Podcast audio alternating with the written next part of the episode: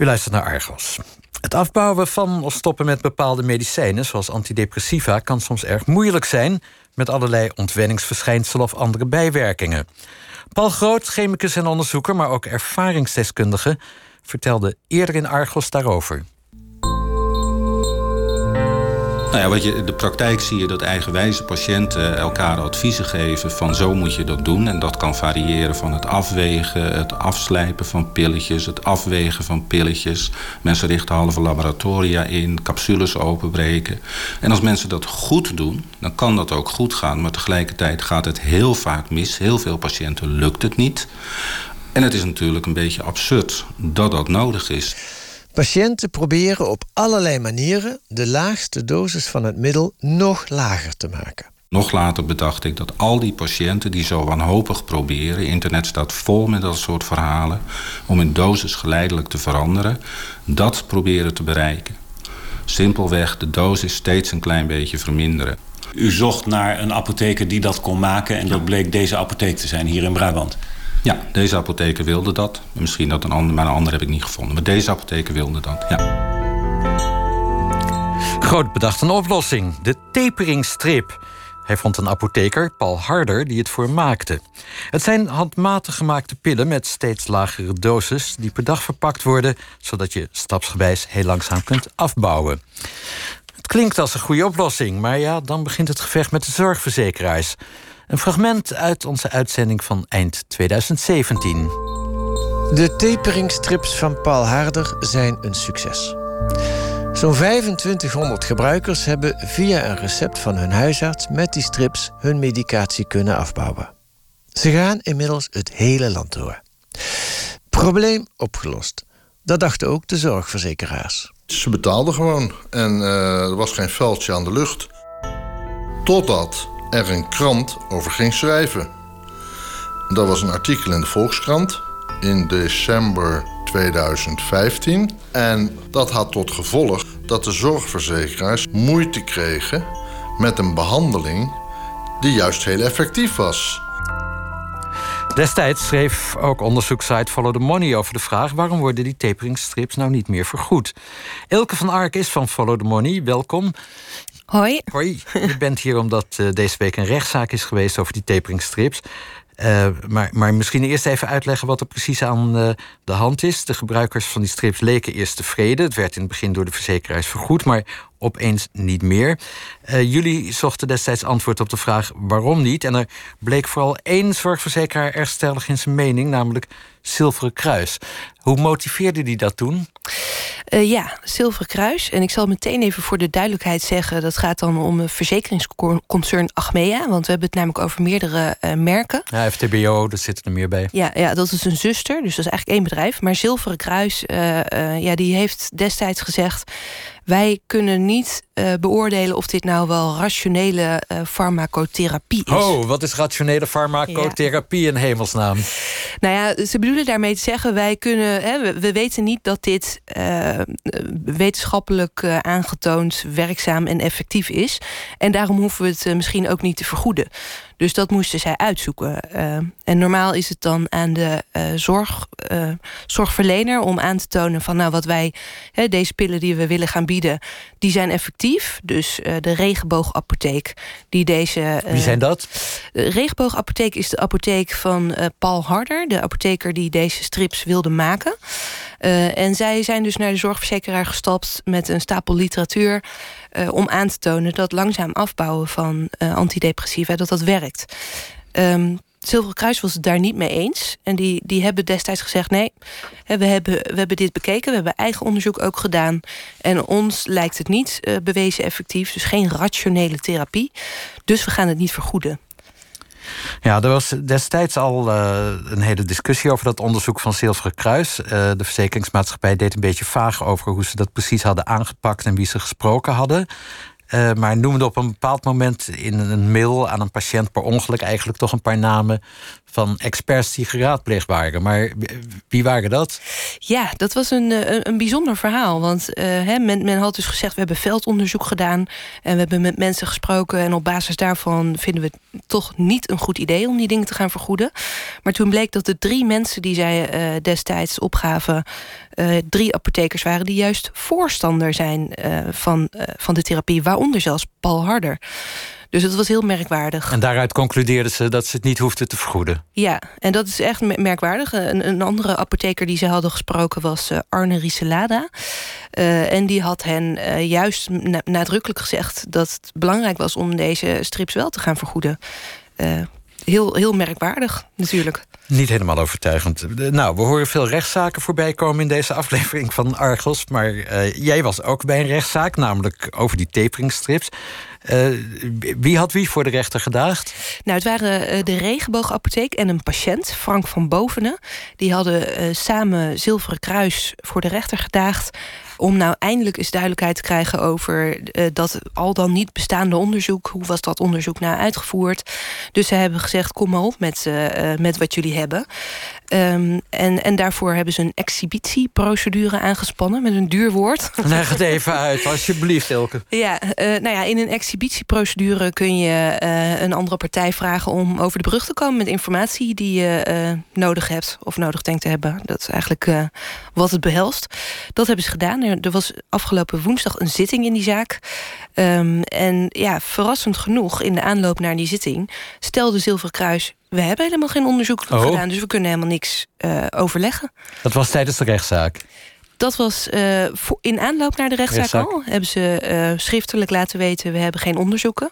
Nou ja, daar namen de regenboogapotheek en die patiënt geen genoegen mee. Dus uh, tot een zitting is het gekomen. En daar werd uitgebreid verteld door Zilveren Kruis... dat ze eigenlijk geen onderzoek, geen eigen onderzoek hadden gedaan. Nou is dat heel vervelend voor één iemand, namelijk minister van Medische Zorg... Bruno Bruins. Uh, in de Tweede Kamer hebben namelijk twee partijen, de SP en 50PLUS, vragen gesteld aan de minister over die vergoeding van taperingstrips. En ook over dat onderzoek van Zilveren Kruis. En in zijn eerste antwoord zegt de minister: Ik heb gesproken met Zilveren Kruis en ze geven aan grondig onderzoek te hebben gedaan. Terwijl, ja, dus bij de voorbereiding van die rechtszaak Zilveren Kruis nu zegt... er is helemaal niet zoveel onderzoek. Um, ik begreep dat jij ook de briefwisselingen of mailwisselingen... tussen Zilveren Kruis en het ministerie hebt ingezien. Ja, dat klopt. Die zijn via de wet openbaarheid bestuur opgevraagd. Um, en daarin is goed te lezen hoe de adviserend apotheker van Zilveren Kruis de heer Vaas, ook aanwezig op de zitting, uh, aan meneer minister Bruin schrijft uh, dat, ach, ja, dat Zilveren Kruis uitgebreid eigen onderzoek heeft gedaan. Eigen literatuuronderzoek naast het onderzoek wat ook groot al had aangeleverd. Uh, uitgebreid, grondig veldonderzoek had gedaan. Dus uh, tegenover die minister deed Zilveren Kruis eigenlijk alsof er heel grondig, zorgvuldig, uitgebreid onderzoek was gedaan. Ja, en in de rechtszaak werd het juist gepresenteerd alsof er nauwelijks onderzoek werd was gedaan. Er was niets. Dat is toch een beetje pijnlijk voor de minister dan? Ja, erg pijnlijk. Um, daar zijn ook al vragen over gesteld. De Kamerleden die in eerste instantie naar deze onderzoeken hebben gevraagd die hebben de brief van Zilveren Kruis richting de Regenboogapotheek in aanloop naar deze zaak ook uh, meegekregen. Die hebben daar vragen over gesteld. En de, uh, de minister moest dus een, een, brief aan die Kamerleden schrijven. En die moest zich daar een beetje in verantwoorden. Dat heeft hij ook gedaan. Hij heeft het een beetje anders gepresenteerd dan in de eerdere uh, beantwoording van zijn Kamervragen. maar heeft in die commissiebrief eigenlijk gezegd: ja, er is niet zoveel aan de hand, want Achmea Zilveren Kruis. Uh, zegt eigenlijk zelf dat het niet verschilt met hun vorige communicatie. Nou ja, dat is niet helemaal eh, correct, zoals ik het kan beoordelen. Nee, dat lijkt een beetje een strijd met elkaar. Nou, Argos zou Argos niet zijn als uh, we niet ook die partijen zouden hebben gebeld... die eerder vragen hierover stelden aan minister Bruins. Uh, wat vindt Kamerlid Henk van Gerven van de SP van deze ontwikkelingen? Nou, ik vind dat uh, Zilveren Kruis eigenlijk de minister niet uh, correct heeft geïnformeerd. He, ze hebben de indruk gewekt dat ze zelf ook uitgebreid onderzoek hebben gedaan. Uh, maar dat is toch heel beperkt geweest, een aantal telefoontjes uh, die ze gepleegd hebben. En verder hebben ze zich gebaseerd op onderzoek van wat groot heeft overlegd. Uh, dus hebben eigenlijk de minister toch een beetje op het verkeerde been gezet. En daarmee ook de Kamer. Want de minister moet ervan uit kunnen gaan dat een verzekeraar met correcte informatie komt. En dat is in dit geval niet gebeurd. Vindt u met deze nieuwe kennis dat de minister u en de Kamer verkeerd heeft geïnformeerd? Ja, maar niet met opzet.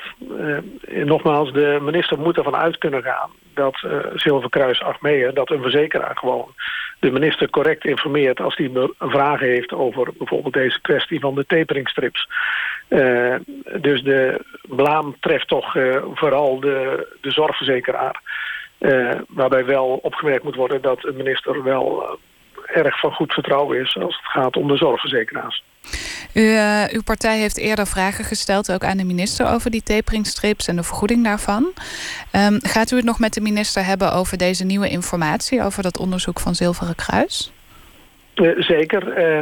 Uh, twee dingen. Ik wil natuurlijk opheldering over de laatste stand van zaken. Ook wat u al aangaf over wat eigenlijk de, uit, de recht, uit de rechtszaal naar voren is gekomen. Dus dat wil ik weten. Maar ik wil ook dat de minister eigenlijk uh, heel snel uh, korte metten maakt met deze eigenlijk onzinnige discussie. Er zijn ook verzekeraars die het wel vergoed hebben of vergoeden. Dus laten we nou heel snel aan die onzekerheid een eind maken. Dat ga ik ook de minister vragen. Die taperingstrips horen gewoon in het basispakket voor iedereen. Zegt Henk van Gerven, Tweede Kamerlid voor de SP. Terug naar Elke van Ark van Follow the Money. Ben je er nou achtergekomen waarom Zilverkruis ja, zo draait en zo, zo moeilijk doet... en uh, vergoeding van die taperingstrip per se wil tegenwerken? Ja, het lijkt heel merkwaardig. Want je zou zeggen, uh, het is toch goedkoper als mensen allemaal van uh, antidepressiva afkomen. Um, nou, nou is het wel zo dat die, die taperingstrips die zijn uh, duurder dan gewone antidepressiva. Die pillen zijn namelijk heel erg goedkoop. De, de, hè, de patentrechten daar zijn verlopen. Zijn. Ja. Dus dat kost maar een paar euro per maand. En zo'n taperingstrip, ja, die, die kost tussen de 60 en 150 euro per maand. Nou is het natuurlijk wel zo dat je die maar twee of drie maanden hoeft te gebruiken, gebruiken in principe. Dan ben je van je medicijnen af. Um, dus ja, ik, ik schat in dat zij gewoon die korte termijn uh, kosten zien als bedreigend. Dat ze denken van nou, als dit echt een succes wordt, dan uh, gaan misschien wel tienduizenden patiënten, misschien er zijn honderdduizenden mensen die aan de antidepressiva zijn. Dus misschien verwachten ze dat ze dan op korte termijn toch een, een kostenstijging hebben door, ja, door toch veel geld kwijt te zijn aan die strips. Zilveren Kruis ziet liever dat mensen antidepressiva blijven slikken, ook als dat niet per se nodig is, omdat het goedkoper is om te vergoeden. Je zou het denken, ja, ik, ongetwijfeld zullen ze het zo niet stellen hoor. Maar ik denk wel dat ze bang zijn voor een, uh, uh, ja, voor een kostenstijging. Of hebben ze iets tegen die regenboogapotheek? Zit er iets persoonlijk achter? Een, een, een vendetta? Nou, dat zou ook nog wel kunnen. Ze hebben uh, vaker overhoop gele gelegen met meneer Harder van de regenboogapotheek. Ze hebben uh, eerdere rechtszaken ook met hem gevoerd. En ook in het pleidooi van de advocaat van Zilveren Kruis bleek wel een beetje ja, kwaad bloed te bestaan. op het eind zei de advocaat, nou ook al zouden we die onderzoeken wel hebben, dan zouden we ze zeker niet delen met meneer Harder en de regenboogapotheek. Um, ja, dat, dat eh, liet wel een beetje doorschimmeren dat toch de verhoudingen niet heel erg uh, oké zijn. Misschien is er wat wantrouwen vanuit Zilveren Kruis. Een beetje wantrouwen ja. misschien. Wanneer uh, gaat de rechter uitspraak doen, Elke? Uh, de bedoeling is dat het op 9 januari plaatsvindt. Uh, nou ja, heel verrassend. Ik, ik verwacht eigenlijk dat er, er is duidelijk niks om, om, om openbaar te maken. Dus het lijkt me dat de rechter ook niet heel veel meer kan dan, ja, dan vaststellen er is niks. maar de regenboogapotheek en, en meneer Van Bovenen, die patiënt, die zijn eigenlijk wel blij dat ze daar in ieder geval duidelijkheid dan over hebben. Ik dank voor je, hier voor je komst. Elk van Ark van de site Follow the Money. En dit was Argos voor deze laatste zaterdag voor kerstmis. Volgende week zit Tessa Blok hier met de eerste aflevering van de serie Luister in de Pels. Onderzoeksjournalisten over hun vak. Straks radar over taxis die niet op tijd komen. Heel vervelend altijd. En ik wens u alvast mooie kerstdagen.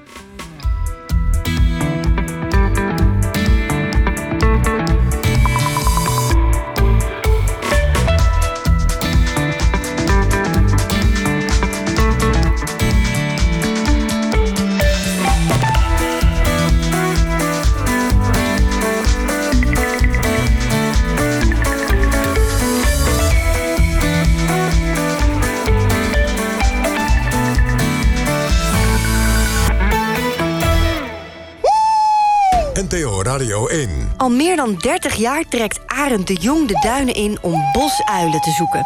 Hij weet ze inmiddels ook heel knap na te doen. Twee winters lang volgde Erika Veld de spreeuwen in de Amsterdamse pijp... en ze schreef er een boek over. Voordat ze wegvliegen is die...